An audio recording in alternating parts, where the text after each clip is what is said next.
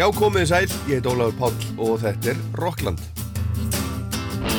Frábært. Meiri áttar. Óli, þetta er bara eins og að borða með fórsetan. Það er ekki nema sangjant að helmingurinn af andvirði miðana verði greittur aftur. Sangjant er afstætt hugtak, Sigur. Er það ekki sangjant?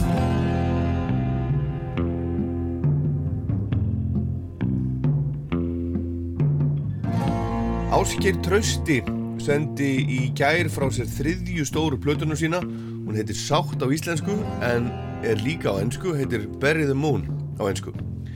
Í plötubúðum hér á landi er þetta ná í eintök í takmörkuð upplægi sem innihalda báðar plöturnar saman í pakka, bæði á tvöföldum geisladisk og tvöföldum vínil. Ásker eitti nokkrum vikum aðleitt út í hálgerðum óbyggðum þegar hann var að semja lög á þessa plötu. Hann tók með sér gítar, hljómborð og lítið upptökutæki, hljóp á modnana og samti svo á daginn. Og nú er platan sem sagt komin út. Og nú þegar hafa byrst plötu dómar um plötuna í erlendum tónlistatímaritum þar sem að hún fær yfirleitt einróma lofgagrinenda og til að mynda þá fekk hún í breska tónlistartímaritunum Mojo fjóra stjórnur sem er mjög gott. Þessi plata er fyrsta platan hans ásker síðan ennska platan Afterglow kom út 2017 Hún var bara á ennsku en þegar hún kom út voru liðin 5 ár frá því fyrsta platan Dýrði í dauðathögn kom út. Það var litið sérstaklega rithmi í þessu hjá áskeri, þrjár plötur á 8 árum og sérstaklega þetta langa bil hann á milli fyrstu og annara plötunar en ásker sem er í raun og veru flógin út í heim til að fylgja plötun eftir með tónleikaferð er gestur Rocklands í dag og við ætlum að hlusta saman á nýju plötuna. Velkomin. Til að, til að byrja með, hérna, hvers vegna liðu fimm ár hérna á milli fyrstu og annara blötunar? Já, það var nú aðalega út af því að við vorum nú eiginlega að túra þessa fyrstu plötu svona eiginlega í þrjú ár sko uh, frá byrjuðum að túra hana Erlendis 2013 og, og uh, vorum að túra hana alveg fram í byrjunum 2016 held ég, eða enda 2015 og hérna þannig að og, og það gafst bara engin tím eða ég hafði allavega ekki, bjóð mér ekki til tíma þegar ég var á túr eða neitt svoleiðis til að semja eða mér fannst bara ekki það var bara ekki rétt að svona neitt góðu tími til þess að vinna í svoleiðis Nei. hlutum á túr sko. Þú, þú semur ekki þegar þú ert að farast? Nei, ég er bara nýlega að byrja að sko, vinna þessi í textum svona, með, með Júliusi og, og sjálfur líka, mér finnst það svona frekar Já, já. eitthvað sem make a sense sko. Já, þú ert nýfarin, þú, þú ert aðeins, aðeins farin að fykta við textagerða á nýju Já, blötunar. mér svona en að semja lög og svona er svolítið svona annað finnst mér og erfitt að gera í kóju einhvers Já, en það er auðvildar að hugsa um textagerð sko. já. En okkur hefur, hefur aldrei hérna, gert texta fyrir en, eða hefur gert texta Já, ég til? já, ég gerði alltaf texta sko, alveg frá því að ég byrjaði að segja lög sko, þegar ég var lítill sko. En það bara einhvern veginn það var aldrei sama svona það var svo mikið svona það var svo mikið skemmtun og, og í því að búa til lög og, og hugsa um lögin og, og spila á hljóðfærin og allt það. En, en hitt kom alltaf langt og eftir á sko. Þannig að það var einhvern veginn aldrei ég laði aldrei mikið í það sko. Og, hérna verandi með pappa þú veist, setna meir þegar ég voru já, aðeins eldri að verandi með pappa og, og fleiri svona fleira fólk í kringum sem að e, e, hugsa mikið um textagerð og geri það svona já, e, leggur mikið í það þá einhvern veginn fannst mér að vera, já, áhugavert að prófa að setja þetta tvent saman svona. Já, akkurat. Herðu, komum að, að, að textagerðinni betur hérna á, á eittir, en, en ertu ánæði með, með þessa nýju blödu? Já, ég er það. Ég er hérna mjög ánægð með hana. Hvor er blöduninni líkist hún meira, finnst þér? Uh, hún líkist klárlega meira held ég fyrstu plötunni og það var svona sem ég lagði eða ég lagði ekki upp með það að láta hana líkast henni en, en að fara svona aftur í rætunar var svona planið. Já. Herðu, við ætlum að hlusta á alla blötuna og byrjum, tökum hana bara í réttröðu og við tökum hana á íslensku, hún er bæði á íslensku og, og ensku. Byrjum á lægi sem heitir, heitir Myndir. Hvað getur þú sagt, sagt mér svo það? Já, um, það er eitt af þessum lögum uh, sem að ég gróð upp úr einhverjum gömlum demón sko. það eru nokkur þannig lög á þessari plötu. Eða, já, eða bara meiri hlutin sko, sem að svona er unnin úr einhverjum gamla demo en hérna já, bara sum frá frá, þú veist, þrem árum, fjórum árum en sum alveg langt sko, 8, 10 ekki 8, 8 til 10 árum sko Já, já, Þannig að, já, um, en þetta er eitt af þeim, ég man ekki nákvæmlega hvernig þetta var samið en, en það er svolítið síðan, sko. Og hérna, en text, en við kláruðum aldrei og ég fór aldrei með þetta upp í stúdíu eða neitt, sko. Uh, þannig að textin var bara samið núna fyrir þessa plötu og, og pappi var svona að hugsa um bara svona lí- lífið hverstags hverstagslegan svona dag hjá fólki þegar það vaknar og fyrir vinnuna og, og svo svona viðlögin eru meira svona um hvernig draumarnir verða svona lifna við á kvöldin og nóttinu Mildaginn er að morgni hún skýr Þegar sólinn baðar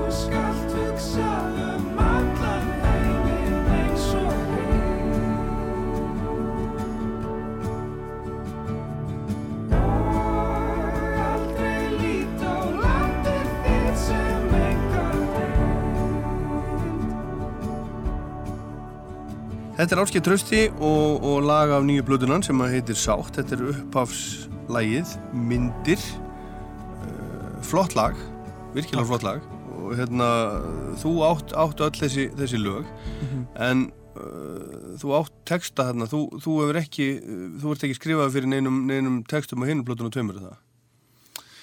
Ég sk skráði fyrir, jú, einhverju smá á, á síðustu plötu, sko. Já, já, en, uh, voða litlu, sko. Já, en þú ert þarna, þú ert þarna aðeins með en hérna, en, en textarnir eru, eru sagt pappiðinn Já. eins og ofta áður og, og Júli mm vinnuðinn. En hérna eh, er ekkit, er ekkit erfitt hefur ekkit fundist erfitt að vera að syngja annara manna orð?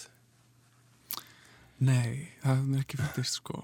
Um, Bæði er hægt að svona yfirleitt finna einhverja tengingu við textana sko ef maður vill en, en líka bara maður er vanur að syngja texta og coverlög í gegnum tíðina sko með textum hjá og svo er líka, kem ég alltaf inn í þetta einhverju leiti sko mismikið en, en uh, sérstaklega þessari plötu var það svona hefur aldrei verið meira þanniglega sko við svona, ég hafði kannski ákveðnar hugmyndir um á, sum lög áður en textanu voru samtir sko um, uh, um fyllunarefni textans og svo hlustuðu við pappi eða ég og Júli á, á lögin saman og svona Já, veltum fyrir okkur í saminningu hvað þetta væri svona, hvað tilfinningar þetta væri að kalla á. Þannig að sko eru, eru þetta allt saman nýji textar sem eru samtir bara fyrir þessi, þessi lög á Já. þessa plötu? Já, þetta er allt sko, lögin koma alltaf fyrst nema eitt lag á, á þessari plötu sem heitir Lifandi vatni. Það er fyrsta skipti sem ég sem sko lag við texta eiginlega. Já, já, En mér, hefur alltaf fundist það svo skrítið sko eða svona erfiðar að vera settur í svona kassa áður um að byrja að semja lagið sko. Uh, en það einhvern veginn hefnaðist, þetta var sem sagt þessi textir úr uh, ljóðabók sem pabbi gaf út fyrir nokkur mánum þetta hvera fuglar já, já. Og hérna, já, En þetta er allt sem sagt nýjir nýjir texta bara við, við lög sem eru búið að búa til. Þannig, Já, já. þannig að er, er þá lægið og, og laglínan jafnvel, komin? Já, lagið og, og laglínan og alveg nákvæmlega hvernig sko formið á hversu mörg atkvæði hverju orði sko er ég búin að skrifa niður svona í bulli áður en að þannig að formið er alveg nelt áður en að textanir eru merkilegt. En hérna, en hvernig sko, hvernig semur hérna, við hvað, hvaða kringustöðu þú vorst að segja, þú sagðir áðan að þú getur ekki eftir erð með, að- með að semja þegar þú verður að túra og spila. Já, hvenar verða lögin til? um, mikið verður til svona upp í bara stúdíói sko, ég eði með miklum tíma hann upp í hljóðrita og hef gert síðust ár. Um, og mikið verður bara til þar sko, um, en líka heima bara hjá mér, ég er með svona lítið lít, lítla aðstöðu þar bara. Og hérna, Svona stúdjó, já. Það er svona valla hægt að kalla það stúdíó. Cirka stúdjó Já, og það verður margt til þar bara og, og sem ég kem svo með upp í hljóruða og klónum þar. Já. Herðu, uh, næsta lag, við höfum heyrt það, við, við spilaðum svolítið hérna á Ráðstvö, lagnum 2, Benskan, þetta er, þetta er svona eh, textið í poppaðinn, er, þetta- er þetta hans, hans æsku minning eða, eða, bara, eða þín? Já, eða, eða okkar allra? Já, ég held að ég, já, ég myndi halda að flestir geti örgulega tengt sína æsku minningar við þetta en pappi var hins vegar að hugsa um sko, minningar af mér frá því að ég var krakki sko. hann átti af mér þegar við- byggum í garðinum held ég sérstaklega hérna garðinum út á Reykjanesi. Þá hefur við verið níu og tíu ára. Og hann er bara svona rifja upp einhverja svona minningar frá þeim tíma. Ómannstu en árin er indæl gleði bjó. Í okkar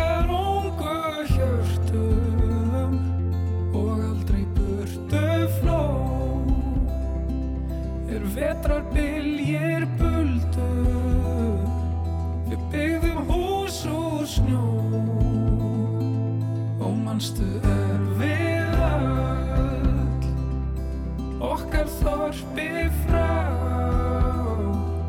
Skutumst út á skauta hver skemmtilegt var þá? Tjörnin undir ísi eins og speilgjá og mannstu kyrlátt kvöld er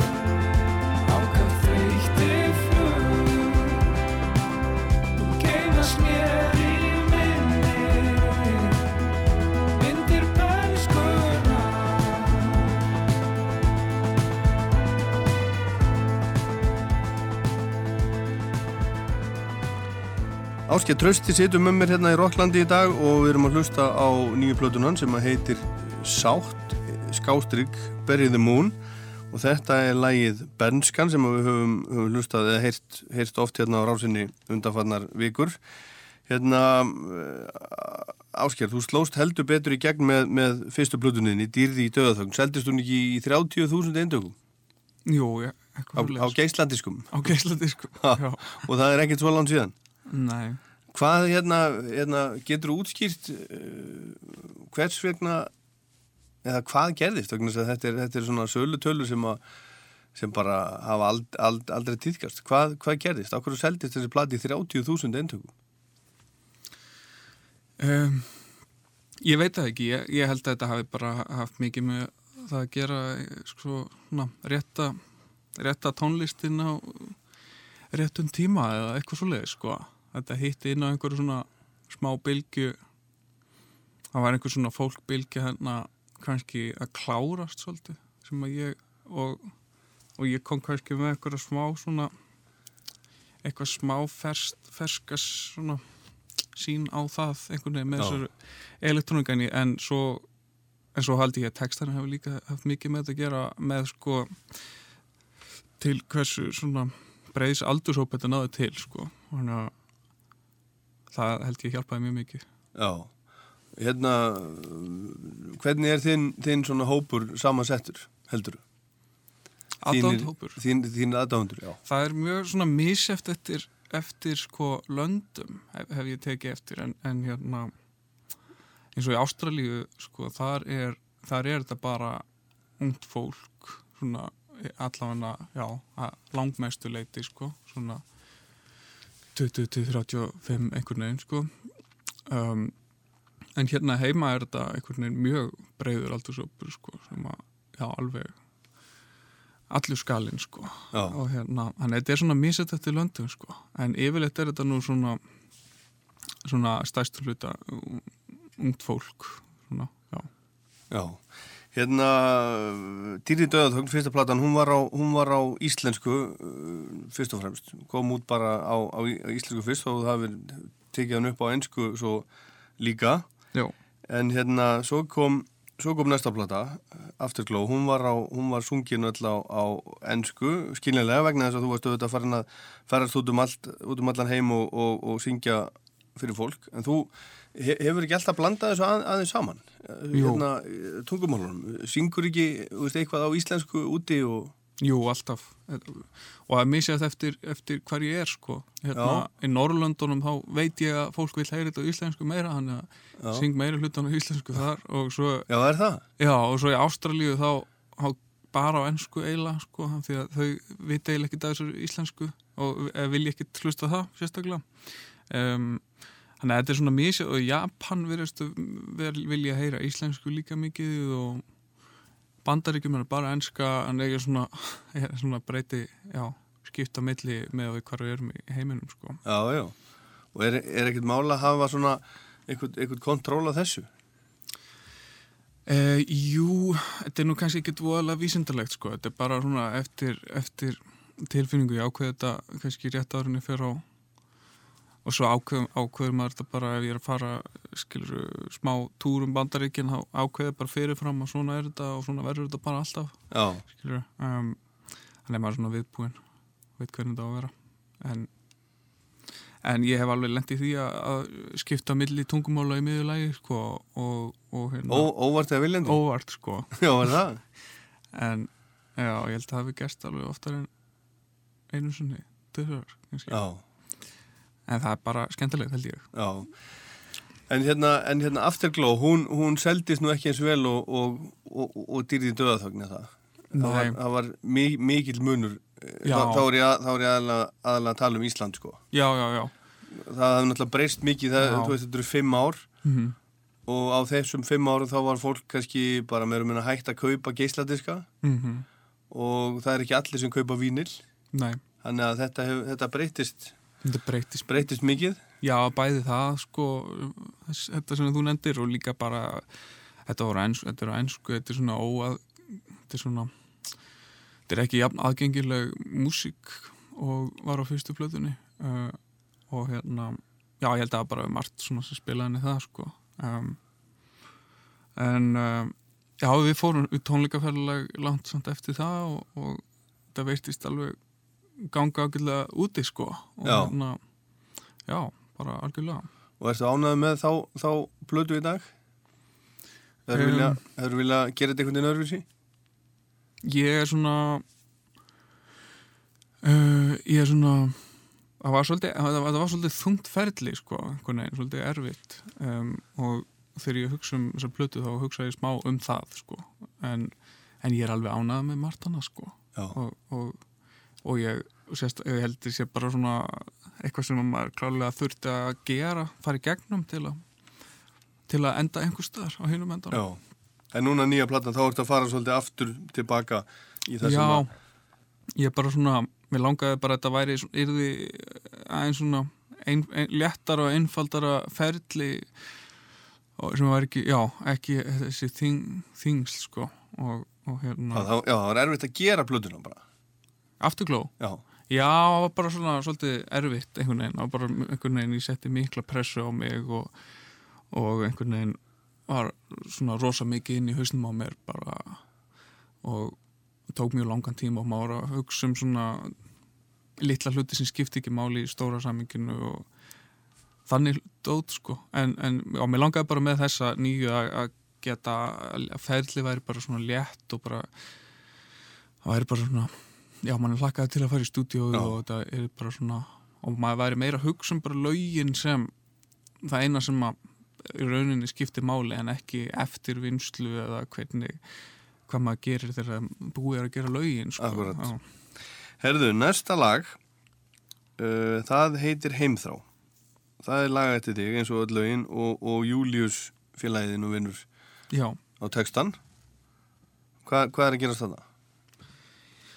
E, þetta er reyndar lag sem kom svolítið seint inn á þessu plötu. Um, lagið var samið fyrir nokkrum árum fyrir einhverja kvíkmynd að, og það var svo aldrei nota þetta lag sko. Um, þannig að við, við kláruðum aldrei sko. En hérna en ég opnaði það bara núna í, fer, þegar, í þessu ferli og, og mér fannst vera eitthvað annað sem að væri þessu virði að klára. Þannig að já, við fórum í það að klára það og ég fekk Július til þess að segja text á. Hann, hann, hann var nú að hugsa um svona hann var að hugsa um hrútafjörðin sem er hans svona heimahagar.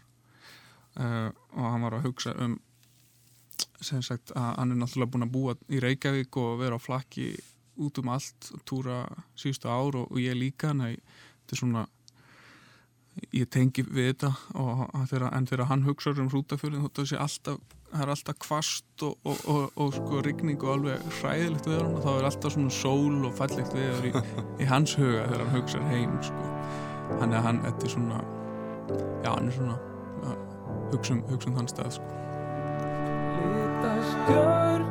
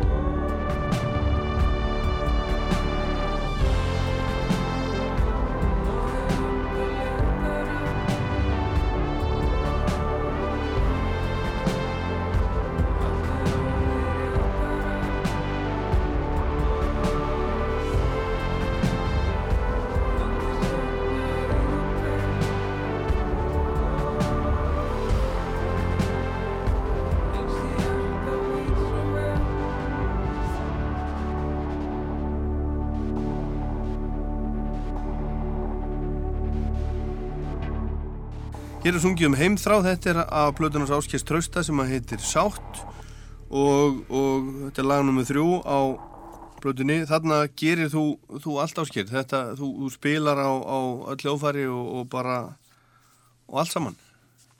Ekki alveg, sko. En, ekki? Já, svona nokkur hljófari. Jú. Já. Ég spila ekki á, á hérna, strengi og, og blástus hljófari sem eru hana mjög flott. Nei. En allt fyrir undan það, Mm, er það ekki? ég, nei, ekki alveg, Nú, sko. Það eru, hérna, það eru einhverjir sem að tromma hana líka í nokkur lögum og Nei, ég, ég er að minna þetta lag bara. Já, í þessu Já. Já, uh, já heimþrá uh, Jú, það, það geti verið Jú, það er örgulega rétt hjá þér Já, Já, fyrir ekki það er ekkert mál. Herðu, en hérna, sko, uh, þessi plata er hún ekki, hún er svona, hún er svona meira, uh, hún er svona aðeins meira fólki, meira, hún er svona lífrætni heldur en, heldur en síðasta, uh, sí, síðasta plata. Jú, það er, það er það sem þú, þú varst að reyna og, Já, og varst að algjörlega. segja hérna, hérna á þann. Láta svona lögin standa bara meira Mhm. Já, fyrir, fyrir því sem að það, þau eru. mhm, algjörlega En hérna, talandi um hann, um hann Július, Mhm. hann er svona uh, þín hægri hönd í þessu. Ja, þú ert nú með, með, með nokkra, þú ert með náttúrulega Kitta Já, og svo pappið með textana og svo Mhm. er Júli. Júli, hérna, þið, þið hafi gert svolítið að þið spila bara, bara uh, tveir saman og þau spilir svolítið eins og, eins og einn maður. mm, Já. Hérna, og ég veit að þú fóst í tónlistaskóla og þú varst byrjaðar að, að, að kenna á gítar á kvamstangað ekki? jú, Áður en að, áður en að, fyrsta plataðin kom út. já En hérna, en segðu mér, mér aðeins af, af Júluna, segðu mér frá Júliusi. Já. Læriði hann á gítar líka eins og þú?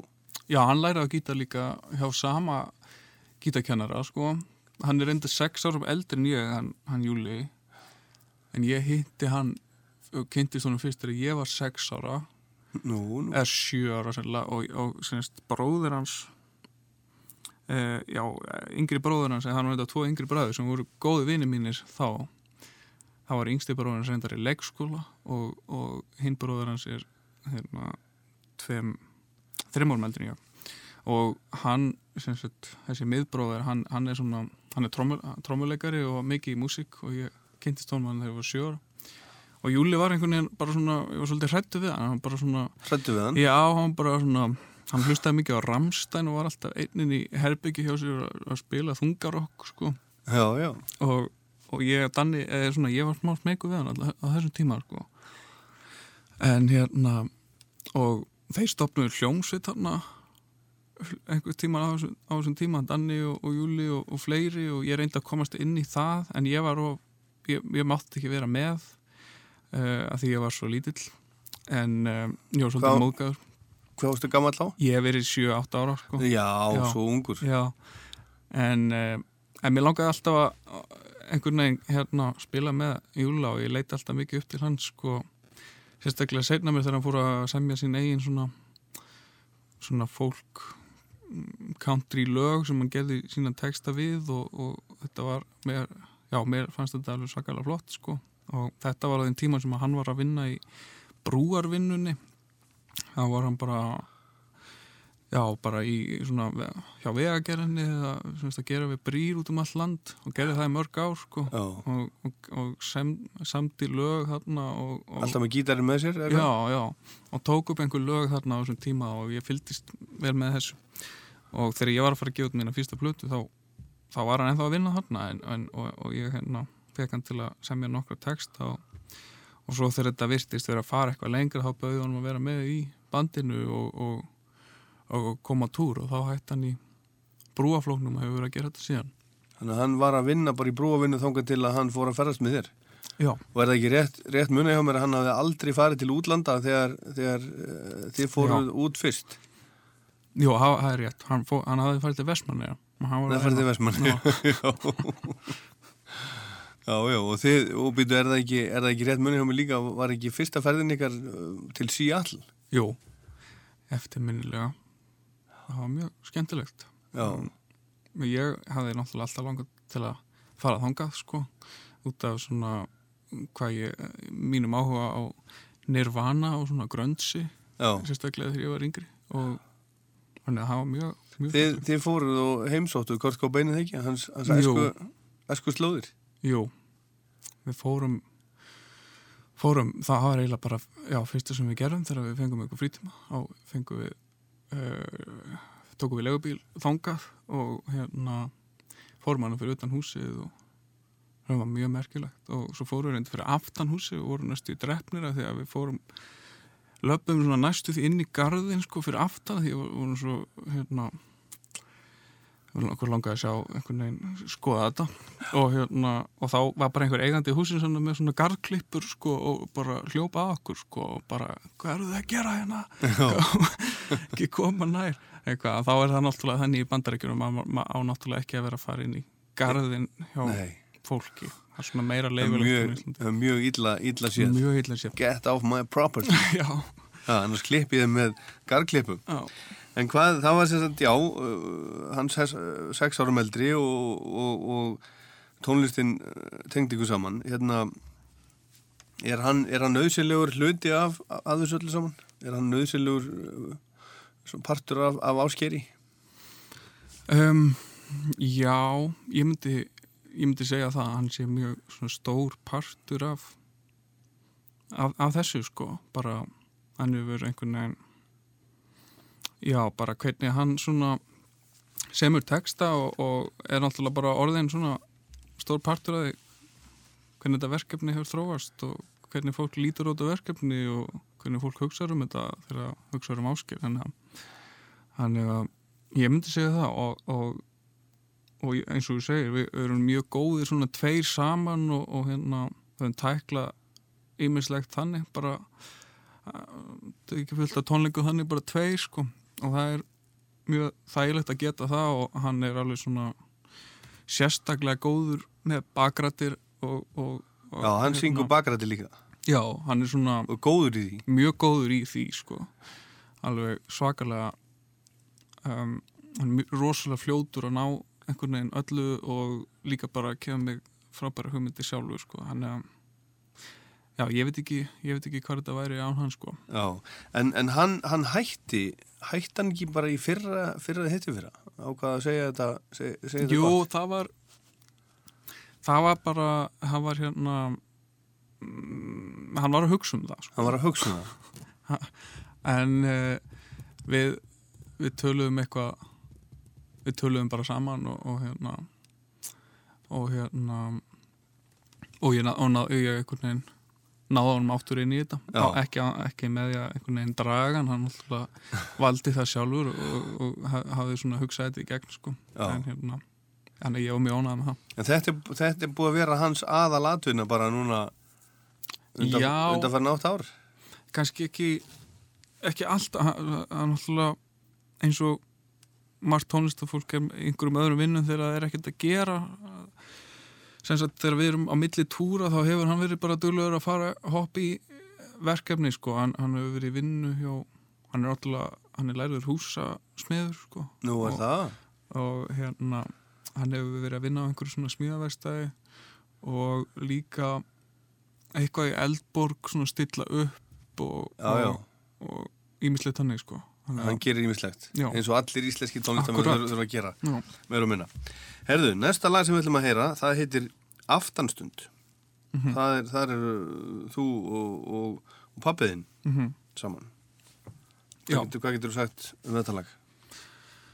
Eh, Þetta er svona þetta er svona já, þetta er svona lítið eh, með svona mjög litla útsend, útsetningu þetta lag, þetta er bara kassagitarinn eil og, og söngurinn sko.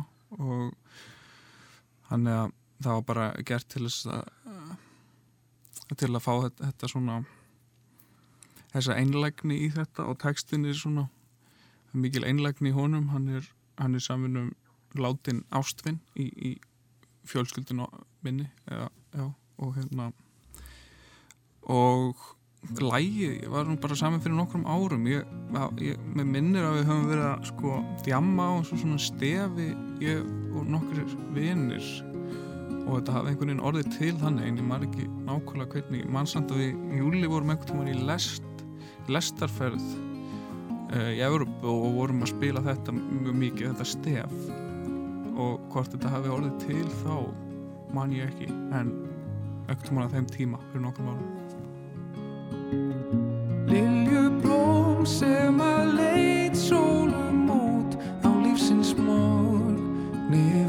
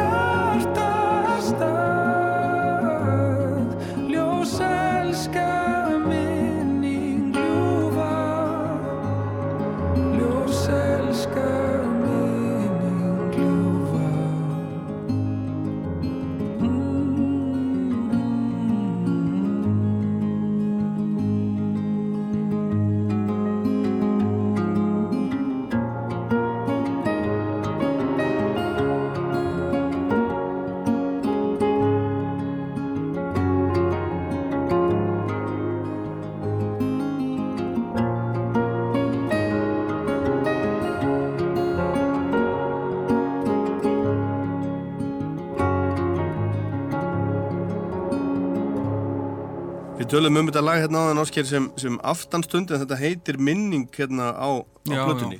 Það er, það er hérna, uh, það var, það var hi- hitt er svona, svona vinnuheiti, ekki?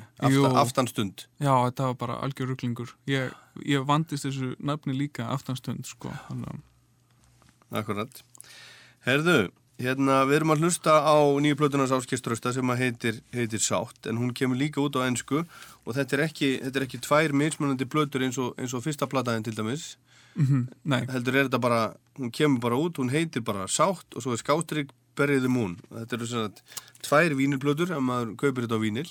Já, og, og hún er bæði sagt á íslensku og og, og ennsku já, eða sem sagt sko við erum líka með bara íslenska Já, útgáð það er þannig, Þetta er eitthvað svona meira deluxe sko. þetta er deluxe típan Já, já, þannig að hún er hérna- bæði hún er bara til sem Sátt, Já, einföld já, og einföld Berriði Mún Já. og svo er hún til Svo- svona, já. svona tvöföld, þannig ég er bara með, með deluxe útgáfana já Hérna, er, er þetta sko, er þetta sama platan á, á íslensku einsku? Er, þetta, er hún í sömu röð?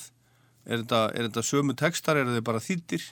Já, eiginlega alveg já, alveg á langmestu leiti sko, þá eru textanir bara e, e, þeir sömu sko, bara þýttir. Og þetta eru sömu lög og en hérna já, þetta er svona í rauninni bara mjög svipað og með fyrstu plötuna sko. Já. þar er þetta bara alveg, alveg eins bara nema bara mismunandi tungumál. Já, er ekkert snúið að gera þetta svona tvísvar? Jú, það er það. Já, það er mjög snúið. Og það er mjög, getur verið mjög þreytandi og einhvern veginn svona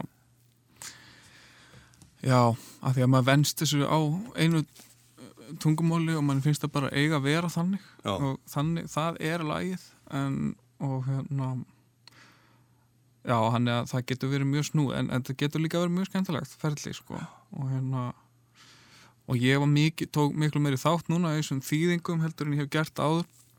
Ég gerði eiginlega bara þýðingarnar fyrir flest lögin svona sjálfur fyrst og það er rosalega þægilegt þá getur maður bara verið heima og spila lagið og, og, og sungið og búið til einhverja þýðingu svona meðan hann til að, setja, til að ná einhverju svona náttúrulega flæði um, en síðan fór ég semst, með þessar gróðu þýðingar til hans John Grant já, já. og, og við fórum svona Ekki yfir- fyrsta sinn. Nei, ekki fyrst sinn og við fórum svona yfir þetta saman og gerum einhverja smá breytingar stóra breytingar þarna en svona smá breytingar í einhverju öðru. Já, þannig, að- já, þannig að þú átt þýðingarnar og hann er svona aðeins með þér. Já, svona að, já, svo eru einhverju lögana sem við byrjum líka alveg saman en, en bara, já, í sammenningu Já.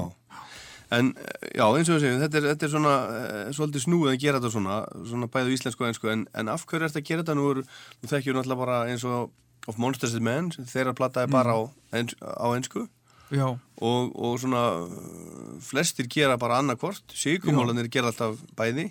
mhm. Af hverju er þetta að gera, gera bæði?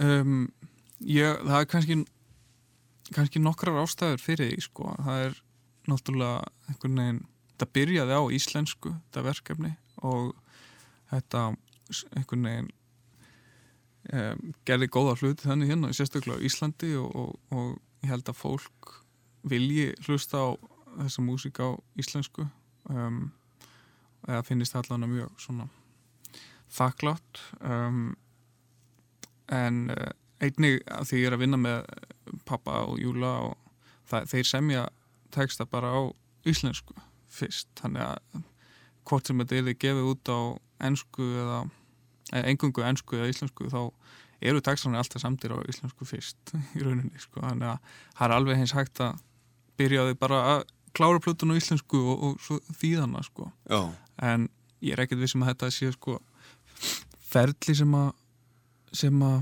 verður alltaf sko. Ég held að, næ, ég held að næsta plata verði ekki gerð svona endilega sko. Heldur hvernig? ég, mér langar bara svona meira að ég byrjar að fíla miklu meira að vera að semja lögin og semja textan á sama tíma og ég hef alltaf samið að ennsku bara frá því ég byrjaði að semja texta sko, bara frá því ég já. var nýju tíu ára þá er það bara einhvern veginn fast í hausnum, hausnum á manni um, og hérna og það kemur það, það er alveg skemmtilegt sko, ég er svona byr, byrjaður að já, mér finnst það skemmtilegra núna en mér fannst einhvern veginn, þetta er svona skemmtilegt púsluspil sem að já, það er gaman að uh, grúska í sko Þannig að þú sér fyrir þér að þú, þú komir meira að, að, að textagerðin í framtíðin heldur en heldur en hefur gert. Já, örgulega ég, ég held líka bara einhvern veginn mér fannst eins og þegar ég er 19 ára og erum að byrja, ég hef hvort er ekkert að segja. Það hefur engin 19 ára eitt sérstakt að segja, þannig að mér fannst það bara eiginlega ekki þess virði að reyna einhvern veginn að þykjast að eitthvað að segja. Mér finnst eins og núna þegar ég, maður er að verða hei, ég er 27 ára og maður, maður hefur allavega eitthvað aðeins að mögulega einhverja reynslu og eitthvað til að segja frá. Akkurat. Herðu, næsta lag heitir Upp úr moldinni og það, það eh, hlustendur ása tvö eiga nú að þekkja það. Það, er, það var, var komið út á Spotify og, og svona ábúið að spila það svolítið. já, Hvað getur þú sagt okkur um þetta? um, Já, þetta er þetta er eitt, eitt af þessum gömlu demo, eða eitt af þessum lögum sem ég gróð úr gömlu demo um, og þetta var hugsað allt öruvísi sko fyrst og við gerðum aðra útgáðu svo lagi upp í stúdíói þetta var að hafa svona meira country folk skoti eða einhvern veginn sko rithmin var svona, var svona train snerir beat í gegnum lagið og, og þetta var drifið áfram á, á gítar, sko, kassagítar. Og hérna um, og það var miklu meira svona meiri kúrika stemming í því sko. En en ég ákvaða að prófa að gera þessa, þessa útgáfu um, með svona meira straightforward svona bíti og píanum sem kerði þetta. Og mér fannst þessi hljóðmynd einhvern veginn bara meira heillandi. Um, en demóið var sannast hugsað eins og svona meira country skotið einhvers konar lag sko. Um, þá aðalega með rithman sko en, en hljómabreitingan og laglunni er ekkert úrlega countryleg myndi ég segja en, en, en um, þá svona hljóðheimurinn. Um, textin kom svo setna og Júli vann hann. Um, þá var hann að hugsa um eða hann sagði mig þá var hann að hugsa um sagt, þá var hann að horfa út um gluggan í hörpu og var að horfa á svona skú, hérna, bátana og, og bara öll húsin sem er að bygg, vera að byggja núna mjög rætt og, og, og hérna hvað hlutinir líta einhvern veginn svipað út og þeir gerðu hérna í kringum 2008 og hann var svona velta fyrir sig hvort að fólk hafi eitthvað lært af því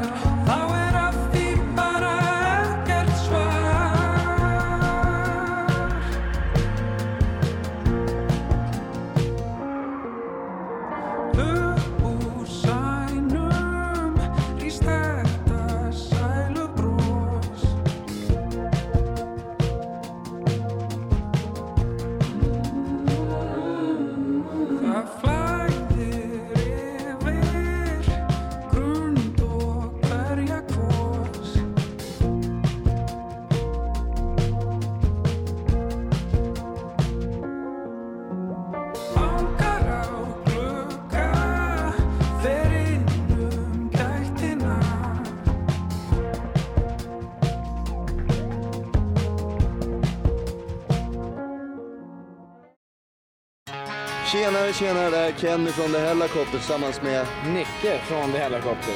Ni lyssnar nu på Rockland på Islands Radio. Ja, det gör ni.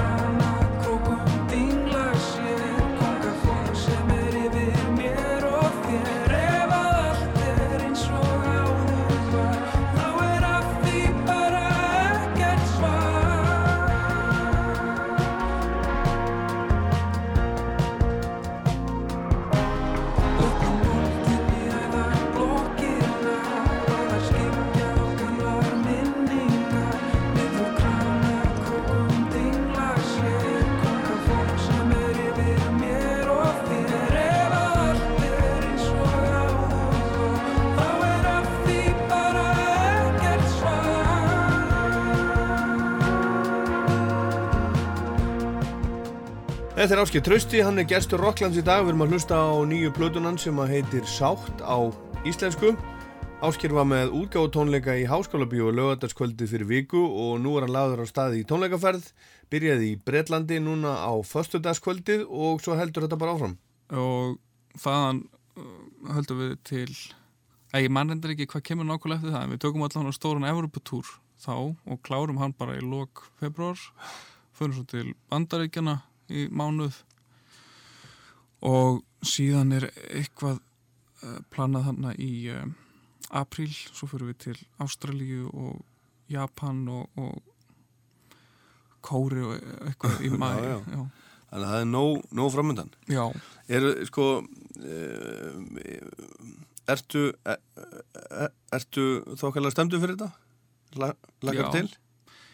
Já, ég hérna, já, ég hlaka til sko, sérstaklega við erum búin að vera að æfa þetta núna síðustu vikur og þetta er einhvern veginn þetta bara er að koma mjög skemmtil út og, og hérna og það verður líka bara gaman að hafa fleiri, meiri, fleiri lög til að spila og, og svona skemmtilega fyrir Já, okkur nú er náttúrulega með þrjár blöður. Já, þannig að við getum svona byggt upp einhvern veginn aðeins sterkara kannski sjó sko. Já, en hvernig, nú, nú hefur, nú hérna, nú fóruði júli til dæmis bara tveir í, kringum Ísland fyrir, fyrir tveimur árum Já, og svo hafið þið verið að fara, þegar við stundum verið þrýr eða ekki, þú og Júli og Kitty. jú. En hvernig er, er bandið samansett núna? Bandið er, er uh, fimm manns og það er, sem sagt, það er við þrýr, ég, Kitty og Júli Mhm. og svo er það Þorstein Einarsson, bróður minn á Já. gítar og Helgi Sávar Helgason á trommur. Já, já, þannig að þetta er svona, þetta er svona ásker hjálmar. Já, Ha. það hefur nú alltaf verið svolítið þannig, sko, smá Já. mikil tenging við það band. En hérna, en, en um, þeir spila ekkert á blötunni það? Helgi Svavar og Steini.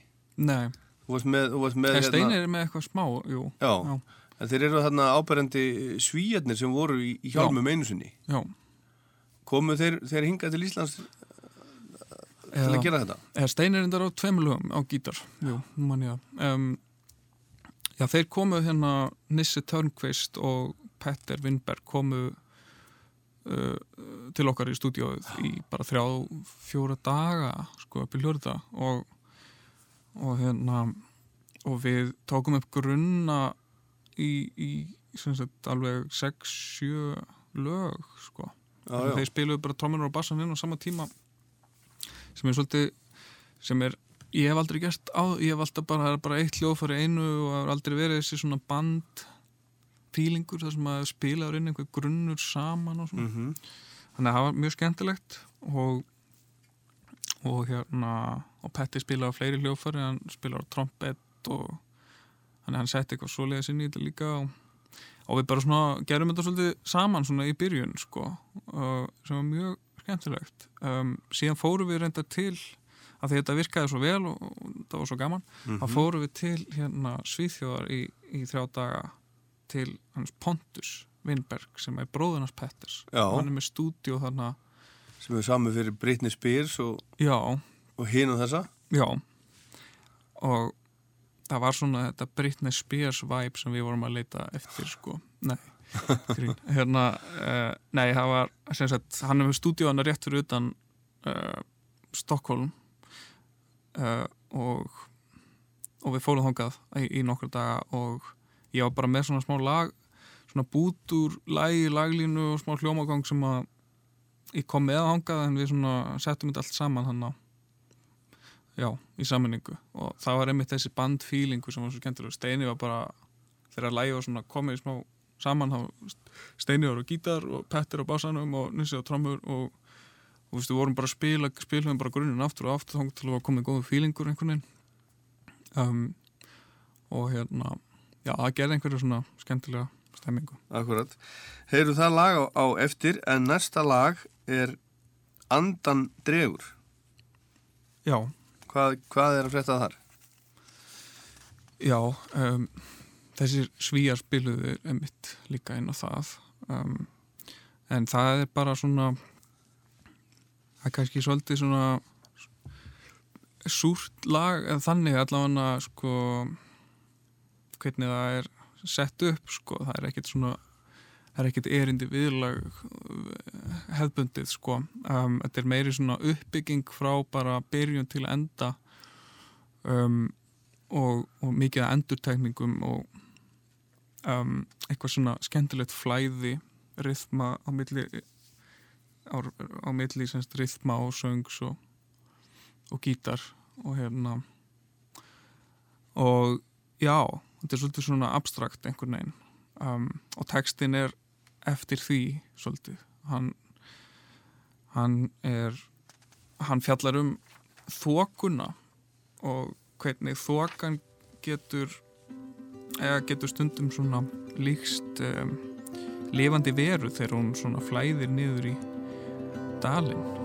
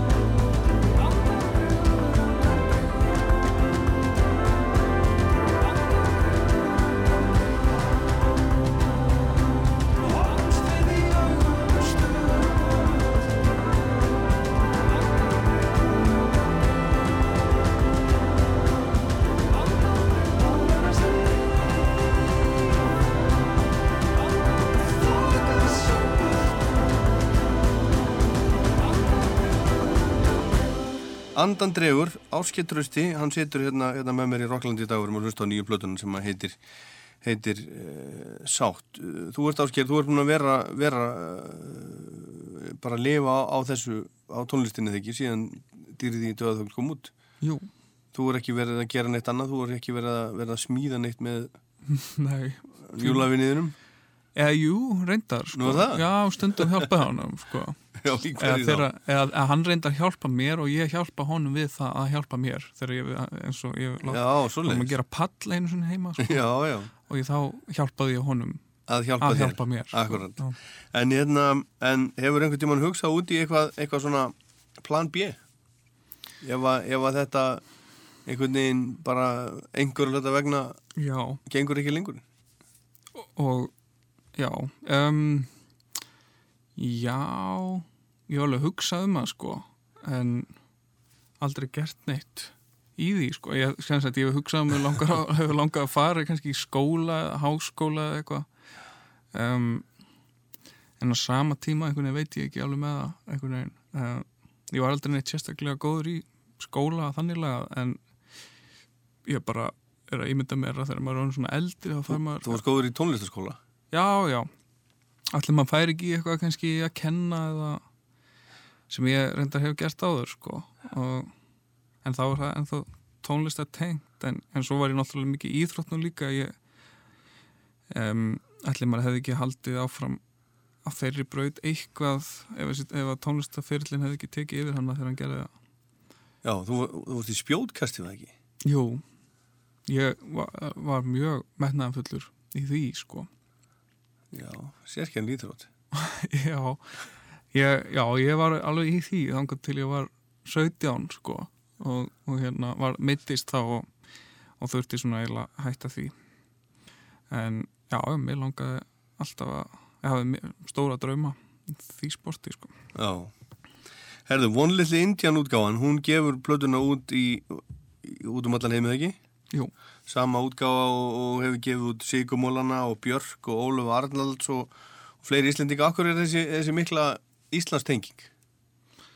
hjá þessu útgáfafyrirtæki Já. já, ég held að þetta hafi nú Er byrjað það einhver svona, eitthvað sem þeir eru að leggja áherslu á? Já, ég held það alveg, eða, alveg klárlega sko en þetta byrjaði bara með Björk held ég sko og Sigumólunum Já, Sigumólunum. að þetta hafi verið stopnað svona í kringum það og og já, ég held að það sé svona það sem að byrjaði þetta allt sko. En, en þau, já, þau líta mikið til Íslands fyrir um, nýja tónlist sko og eru alltaf að, alltaf að, sæna nýja íslenska artista. Já, og bara frábært útgáð fyrirtæki og hjálpa alveg rosalega mikið.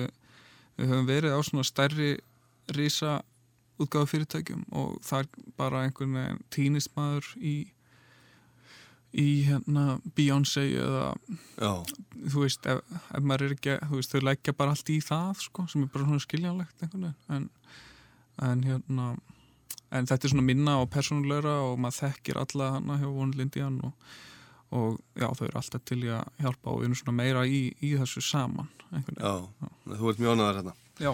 Herðu, uh, förum strax í næsta lag. Það er uh, svolítið mikið elektróð þar. Glæður.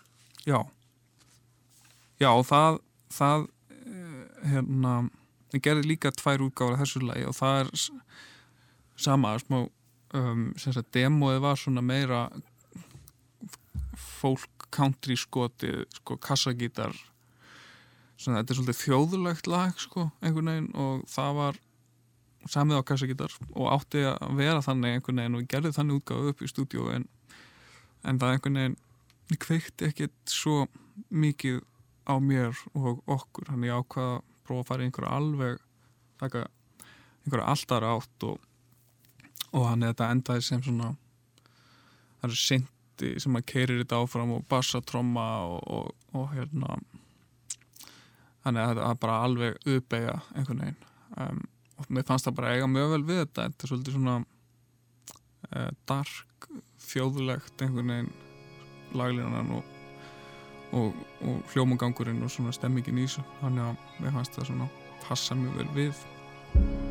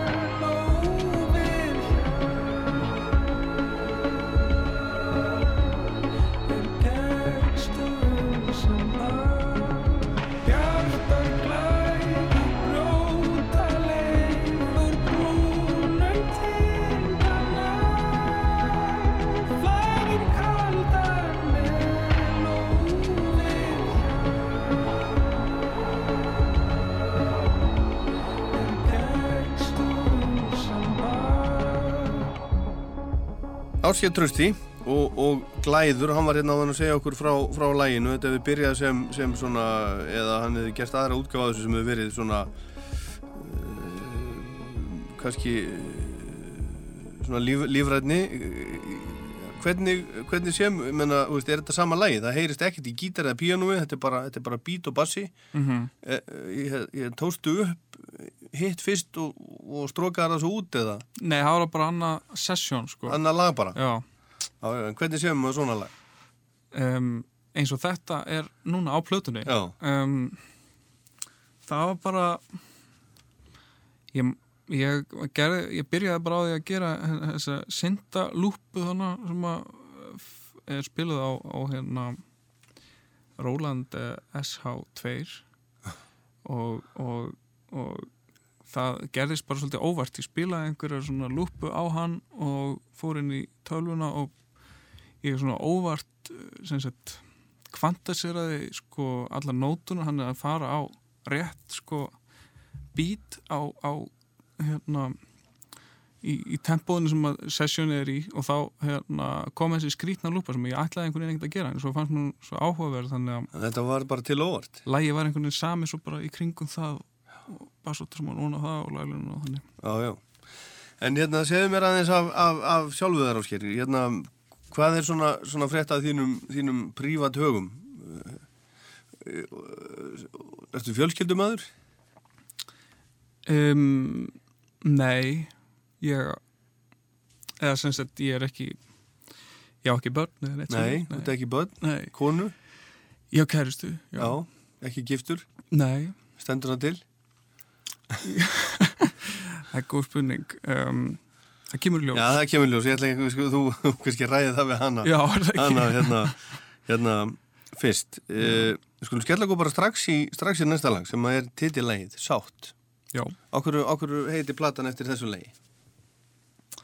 Já, það tengis kannski ekkit endilega uh, textan í læginu endilega. Það er meira er sátt svona sem plötu titill að meira bara svona um, það, var, það, var, það var bara svo margt sem að svona tengdist sátt þessari, þessu ferli einhvern veginn, plötu ferli var var einhvern veginn svona miklu léttara og það var miklu meiri sátt bara yfir mönnum einhvern veginn með alla hluti og, og þetta var og kannski fyrir mér meira bara svona sátt við bara svona hver ég, hver ég er og hvar maður er og hvernig fortíðin er búin að vera og hvernig síðustu ár og, og bara einhvern veginn að halda áfram og í sátt og, og hérna já, mér fannst eins og þessi plata bara einhvern veginn markera eitthvað þannig sko.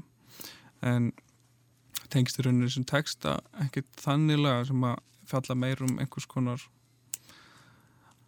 um, ástasorg og, og sátt sátt við það einhvern veginn. En, en lægið, já lægið er, var sami í miðuferðli bara heima hjá mér. Um, ég var alltaf með þessa gítarlínu svona á heilanum uh, um mörg ár. Um, og, og lægið var eiginlega saman bara í kringum þessa litlu gítar lúpu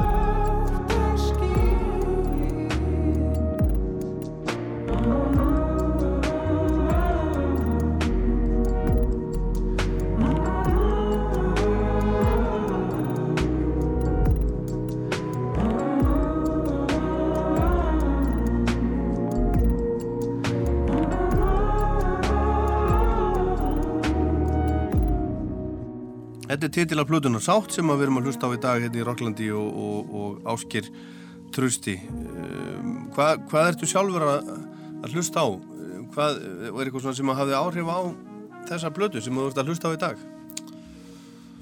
Um, já, kannski já, ég fór hérna upp í í sumabústæði nokkra vikur þegar ég var að sanga mér þessum demóum og, og sem ég ný lög sko og, og ég var alltaf með þessa hugmyndum að gera kassagítarplötu sko. Og er svona einfalda einhvern veginn plötu. Og ég var mikið að hlusta á að nýjasta sem ég hafði aukvitað var Phoebe Bridgers sem var það var svona alveg frábær svona uppgötun fyrir mig einhvern veginn. Og, og hérna platan hennar um, var svona, ég hlustaði mjög mikið á hana. Um, og ég tók með mér tvær plötur sem voru í bílnum hana upp í bústað, það var ein með Bob Dylan. Já, um, hvað blanda? um, Times They Are Changing. Já, bara, bara eld, eldgamla daga. Já, og, og svo uh, fyrstu plötuna með Fleet uh, Foxes. Og sem ég hef alltaf haldið mikið upp að bara alla plötuna þeirra sko. Og elskaði líka nýjustu plötuna þeirra Crack Up. Og og all kannski hafði þetta eitthvað með það að gera en ég var líka bara ákveðin í því áður en í fóranga að að var með svona nokkuð skýra hugmyndu hvað mér langaði að gera sko. Og tók bara með mér einfalt dót hann tók bara kassagittar og, og, og nord piano og svona vissi að þetta átti að vera bara svona strýpa og einlægt einhvern veginn. En, en ég held að hafi ekki eða það, ég held að hafi hjálpað með þessi, svona, þessi lög og plötur. Og varstu bara einn? Já var Ah, leitn upp í sumabústað. já, Þú, þú gítarinn. já mér langaði alltaf að fara og gera eitthvað svona í, og vera bara aðleitn og hugsa ekki um neitt annað sko. þannig að það var mjög gaman Og það gekk. já, ég myndi segja það Já. En hvað, hérna, hvað varst að hlusta á þegar þú varst, varst, varst krakki og unglingur? um, já, það sem að kom mér inn í músík sko, þegar ég var að byrja var gröndsið sko, að, þá var ég bara sjö ára. Það var það sem að gefa mig spenntan fyrir tónlist og, og langa vera gítalegari og allt það sko. Og, og það var svona var með einhver idol og var alltaf að teikna Kurt Cobain út um allt og, Þannig að hann, var, hann, hann, er, hann er ædolið þitt bara. hann var það alveg sko lengi þegar ég var yngri sko. Og hérna og en svo var það líka mikið fólki hérna í kringum mig sko, bróðið minn alltaf mjög stór spilaði líka stóra rullu sko Já, um, Steini. steini Já. og já, hann er það var svona og síðan kom eftir það var það einhver svona eitthvað sem að, þú veist, þessi, þetta, þetta hefur runni ekkit fyllt mér svona í gegn þú veist, í gegnum öll árin sko, þetta, með, þetta var meira eitthvað svona sem að bjóð til einhver svona neista þegar ég var að byrja einhver svona, Já. Svo var það einhver new metal sko, Linkin Park og, og hérna, svo var það System of a Down þú veist um, já, Foo Fighters uh, einhver svona þannig bönd sko, en svo færðist þetta þegar ég var svona 13-14 ára þá fór ég meira að semja bara svona einn heima í, í sefnherbygginu mínu og þá fór ég að uppgöta meira sjálfur kannski svona mína það sem ég einhvern veginn mína svona línu og ég man að hlustaði mikið á The Shins Já. og, og það var eitthvað mjög heitlandi við svona lagasmíðanar þar um, en svo líka eitthvað svona meira kassagítar ég man að ég á Johnny Cash myndina hérna um, Walk the Line Já. þá alveg var ég alveg svakalega það fyrir mjög miklum áhrifum þá sko og langaði bara að gera þannig lög og svona var svona röttu, svona country röttir og eitthvað svona.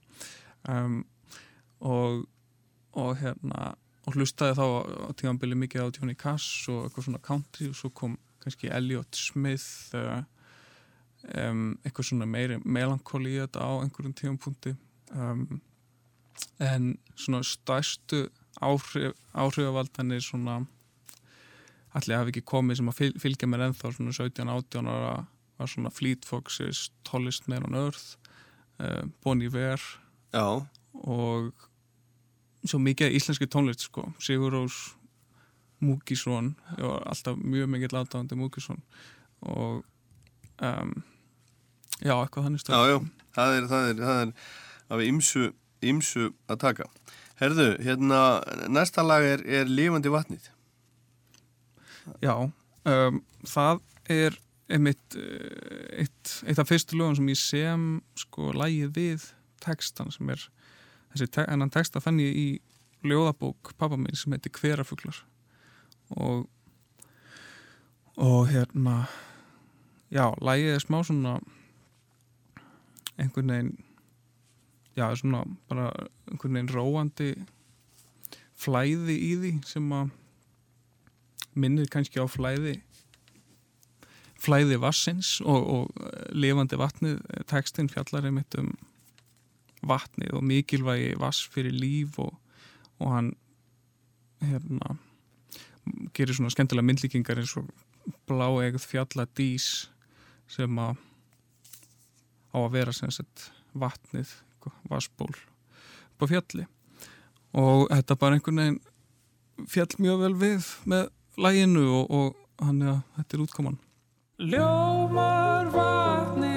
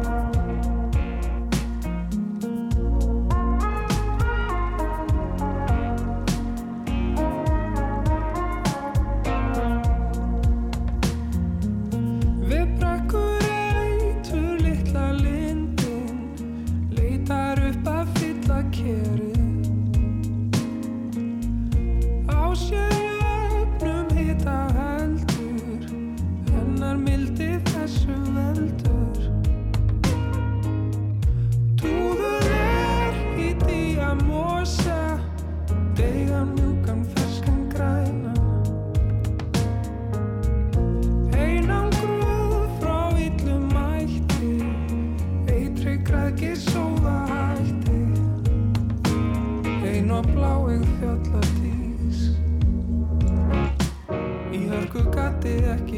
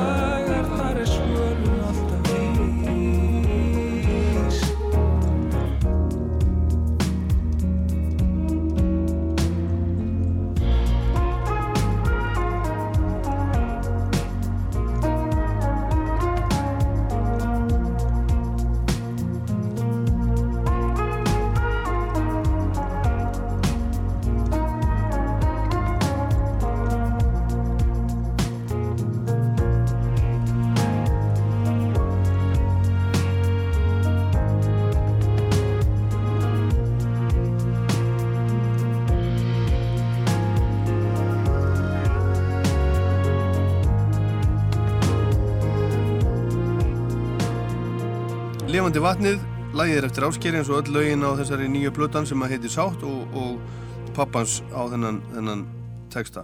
Hérna, þú varst að tala hérna á hann um, um Kurt Cobain og hann hefur verið svona kannski eh, svona nistin sem að kveikti bálið þessum tíma. Er hann, er hann ástæðan, ástæðan fyrir því að þú, þú, þú byrjar að spila gítar?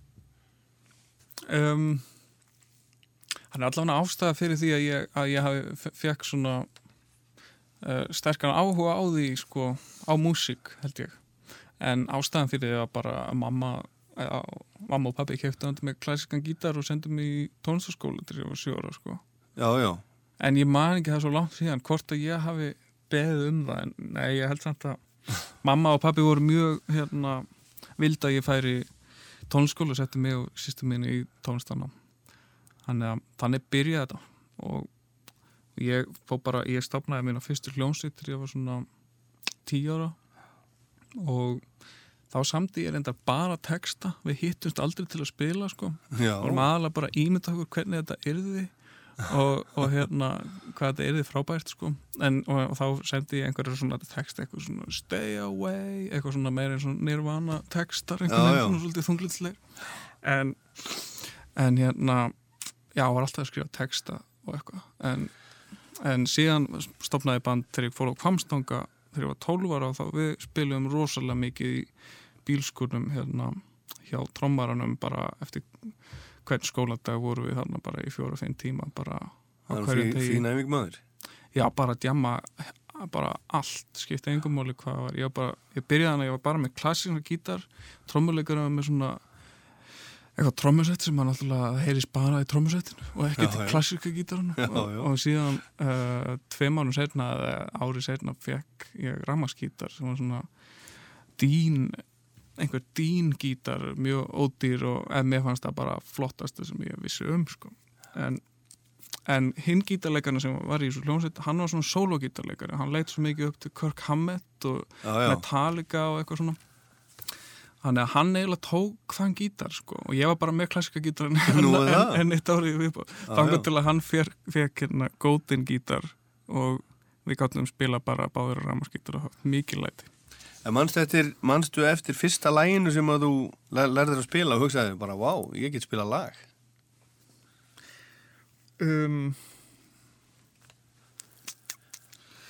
já, nei, eh, ég man ekki eftir einu svona stóru mómentin, alltaf það hef ekki verið eitthvað koma SUR eða eitthvað Já. Já. En höfðu fóreldræðinir ekkert áhyggjur að því að þú verður að, hlusta á þessa, þessa Jú. he heavy músík? Þetta, Eða pappa var alveg sama held ég sko, en mamma var svona, hún var aðalega þetta, aðalega þetta, á- er, þetta er ekki beint svona upplýfgandi, uplifting for the human spirit? Nei, um, en ég vissi það ekkert sko, ég vissi ekkert að þessi textar væri eða þannig laga sko, ég fannst þetta bara svo góð músík sko en um, jú, mamma var einn tíðanpunkt þegar ég var búin að vera að tekna of mikið myndum og eitthvað hún svona fór að spyrja mig spurninga um þetta en já, Þú fílaði þetta bara, það er bara töff. já, mér finnst það bara gegja. Herðu, Ringsólin er síðasta lægið á plötunni og, og þar eigið eigið textan saman, þú og Július, segðu frá. Já, Ringsól er, er tekið upp í Svíþjóð.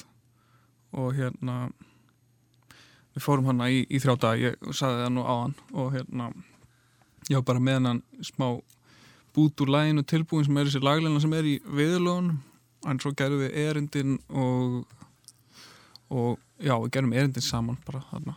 Og og já, ég þurfti að vinna í þessum texta þarna og meðan við vorum þarna. Og og hérna bara til að því við vildum reyna að koma með einhver smá loka pródukt áður en við, þegar við færum það sko og og hérna já, hann er ég eitt einhverjum tíma í það, það þetta er svo sem ekkert meistara, meistaraverk sko, en þetta þetta eru bara einhverju textinn? já, en hérna þetta er bara fjallar um eitthvað svona ástar um, ástar sorg einhverja sko sem að maður, sem að maður hefur gengið í gegnum einhver tíma. Maður, þetta svona situr oft í mann og, og yfirleitt þegar ég byrja að semja texta þá fer maður alltaf þangað einhvern veginn að- sem maður reynir að forðast en, en hérna en þetta er allavega um eitthvað svoleiðis undir smá svona en smá svona gruggugt, það er ekki kannski augljóst hvað, um hvað verið er að fjalla en þetta er einhverju svona einhverju hugleðingar í kringu það